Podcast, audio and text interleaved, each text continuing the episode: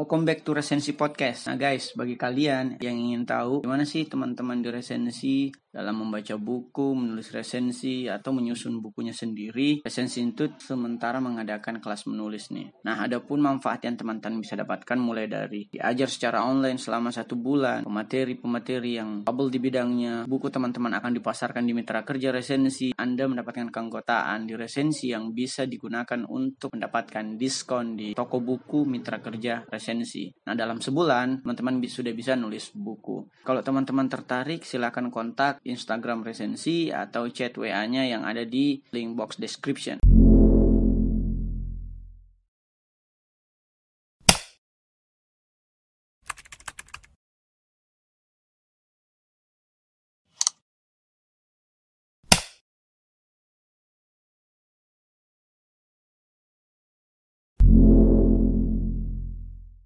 Assalamualaikum warahmatullahi wabarakatuh. Selamat datang di channel Resensi Institute. Nah, kali ini kita akan meresensi sebuah buku yang ditulis oleh Ibu Siti Fadila Yang berjudul Saatnya Dunia Berubah. Nah, berawal dari sebuah podcast bersama Deddy Corbuzier Saya tertarik untuk menilik sosok perempuan yang bernama Ibu Siti Fadila Supari. Ternyata, beliau menulis sebuah buku yang berisi perjalanan perjuangan yang sangat berani dan menginspirasi. Ada dua emosi yang dihasilkan ketika saya membaca buku ini. Yang pertama, semangat nasionalisme seorang Ibu Siti Fadila yang melawan ketidakadilan yang terjadi mengenai perlindungan kesehatan dunia. Kedua, saya bersyukur bahwa darah dari sosok Bung Karno yang melawan neokolonialisme masih ada sampai sekarang mendarah daging pada putra-putri Indonesia. Buku yang tebalnya 198 halaman ini terbagi ke dalam lima pembahasan yang berisi tentang perjalanan Ibu Siti Fadila dalam memerangi WHO atas ketidakadilan mekanisme virus sharing yang terasa seperti menjajah negara-negara yang terkena virus. Kita masuk dalam pembahasan. Kita ketahui bersama pada tahun 2004 setelah Indonesia terkena musibah tsunami di Aceh, kemudian disusul lagi dengan terkena wabah virus flu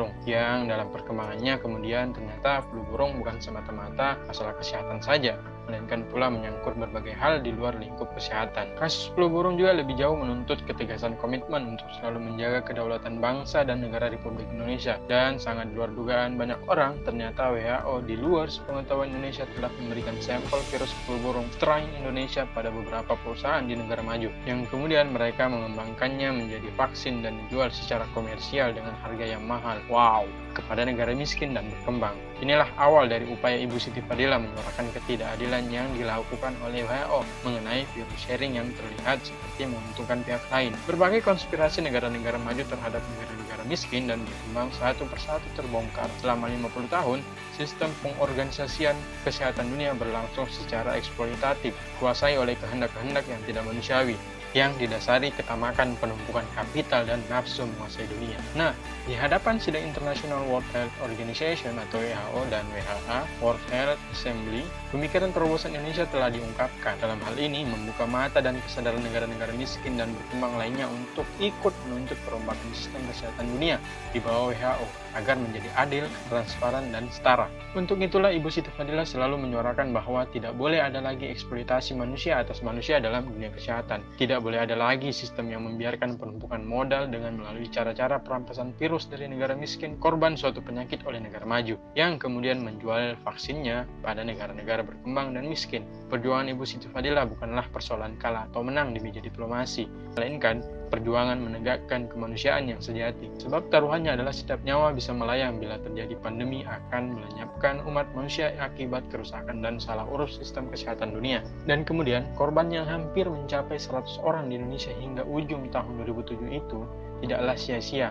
Mereka mati syahid sebagai martir untuk kesehatan dunia yang lebih baik. Penderitaan ratusan anggota keluarga korban yang ditinggalkan menjadi penggerak bagi bangsa untuk bangkit sejajar dengan bangsa-bangsa lain dan keluar dari penindasan dan penjajahan. Untuk itu, sebuah sistem baru pada bidang kesehatan dunia disusun. Departemen Kesehatan Negara Republik Indonesia berada terdepan sama-sama negara-negara sahabat dan siap melakukan tanggung jawabnya. Dan Ibu Siti Fadila pada saat itu sadar bahwa kasus flu burung adalah cermin bagi berbagai persoalan dunia yang membawa kesengsaraan umat manusia, sekaligus menunjukkan jalan keluarnya. Mengutip perkataan Ibu Siti Fadila, saatnya dunia berubah. Nah, adapun perspektif presenter mengenai buku ini, Yang kita ketahui bersama bahwa Ibu Siti Fadila adalah mantan Menteri Kesehatan pada saat masa kepemimpinan Bapak Susilo Bambang Yudhoyono. Nah, pada buku ini terlihat jelas perjuangannya yang begitu ikhlas tanpa menginginkan hal-hal lain. Beliau hanya menjalankan tugas sebagaimana tugas sebagai Menteri Kesehatan pada saat itu. Meskipun dalam perjuangan beliau banyak sekali hambatan, mulai dari media yang memberitakan hal-hal yang tidak sesuai dengan keadaan, bahkan sampai penundaan penerbangan beliau yang beliau anggap itu bagian dari sabotase untuk menghentikan perjuangannya.